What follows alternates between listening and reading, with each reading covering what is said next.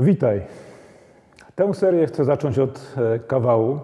Dwóch gości siedzi w więzieniu. Jeden e, cały czas się po tej celi rusza, łazi tam i z powrotem. Jego kumpel zwraca się do niego i mówi: Czy ty myślisz, że jak chodzisz, to nie siedzisz?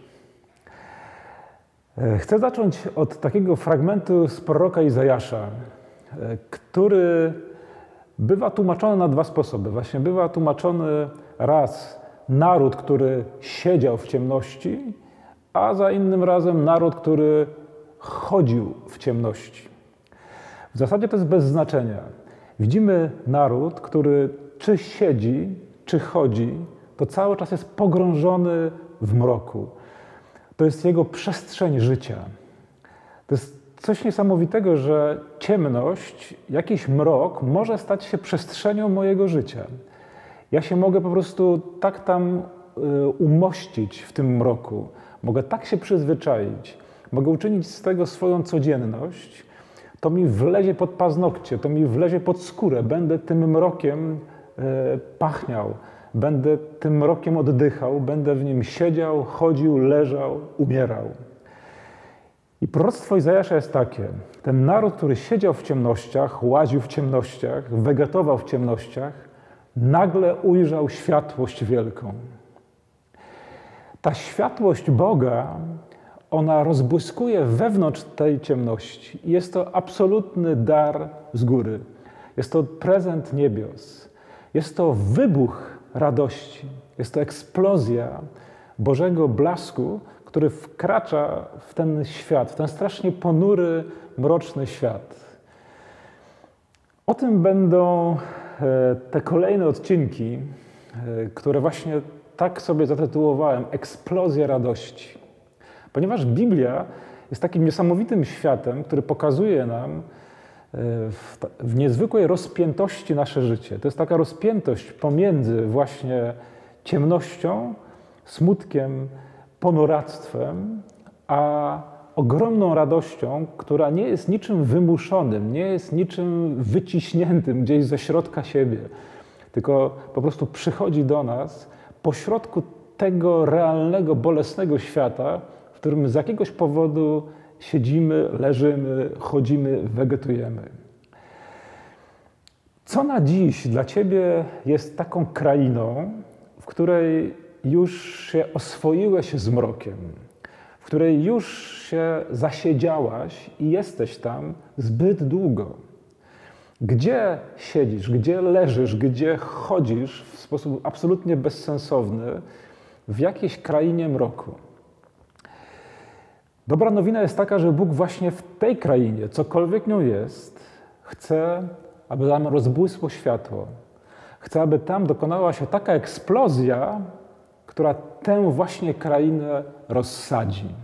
Tak, ponieważ każda kraina ciemności ma coś takiego w sobie, że nie sposób jej tak po kawałeczku rozebrać. To jest trochę taki wszechświat. Yy, I potrzebujemy, żeby od środka tam weszło Boże światło, eksplozja Bożego światła.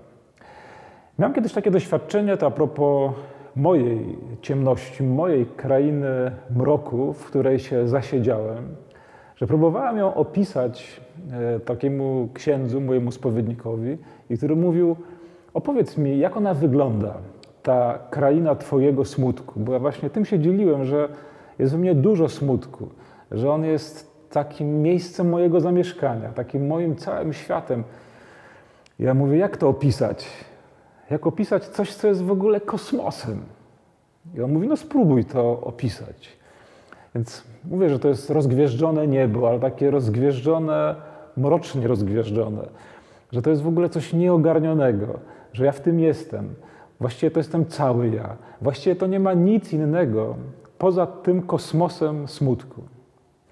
I ten ksiądz mówi, a spróbuj zamknąć oczy i wyrusz na granicę tego Twojego świata. I okazało się, że gdy w wyobraźni zacząłem iść, tak rozmodlony też wewnętrznie, coraz bardziej pragnąc, żeby właśnie pośrodku tego mroku Bóg wniósł życie, wniósł radość, żeby tam e, dokonało się jakieś takie przeobrażenie tego mojego świata, którego już bardzo pragnąłem. I w pewnym momencie w tej swojej wizji nagle znalazłem się e, by u granic tego, co wydawało się wszechświatem. I gdy dotknąłem tej granicy, nagle poczułem, że jestem po drugiej stronie, na takiej bardzo wiosennej, zielonej łące. Oczywiście to była pewna wizja, która oddawała moje pragnienia.